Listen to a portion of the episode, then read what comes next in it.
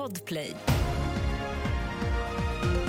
Det här är senaste nytt. Ukraina har under natten förstört en rysk militärpostering vid flygbasen Saky på den västra delen av det ockuperade Krim.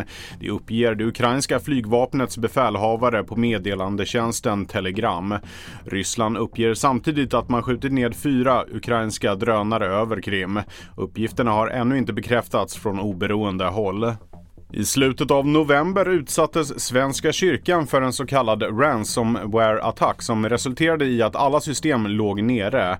Hackergruppen bakom attacken krävde stora lösensummor som inte ska ha betalats ut. Nu har FBI slagit till mot hackergruppen Black Cat som man tror ligger bakom attacken, rapporterar P4. Något som inger hopp för Svenska kyrkan. Systemen uppges delvis fungera men Svenska kyrkan har fortfarande problem med bland annat sin hemsida.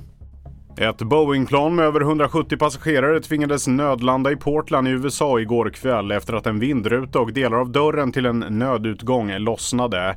Ingen person skadades men flera föremål sögs ut, bland annat tröjan på den passageraren som satt närmast dörren. Flygbolaget Alaska Airlines väljer nu att tillfälligt stoppa samtliga flygningar med den aktuella flygplansmodellen Boeing 737 MAX 9. Bilder från dramat kan du se på tv4.se.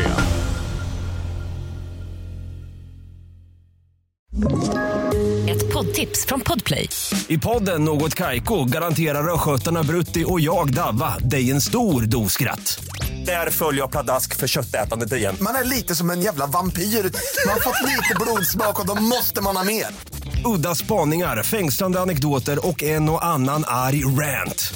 Jag måste ha mitt kaffe på morgonen för annars är jag ingen trevlig människa. Då är du ingen trevlig människa, punkt. Något Kaiko, hör du på Podplay. Därför är gardinerna.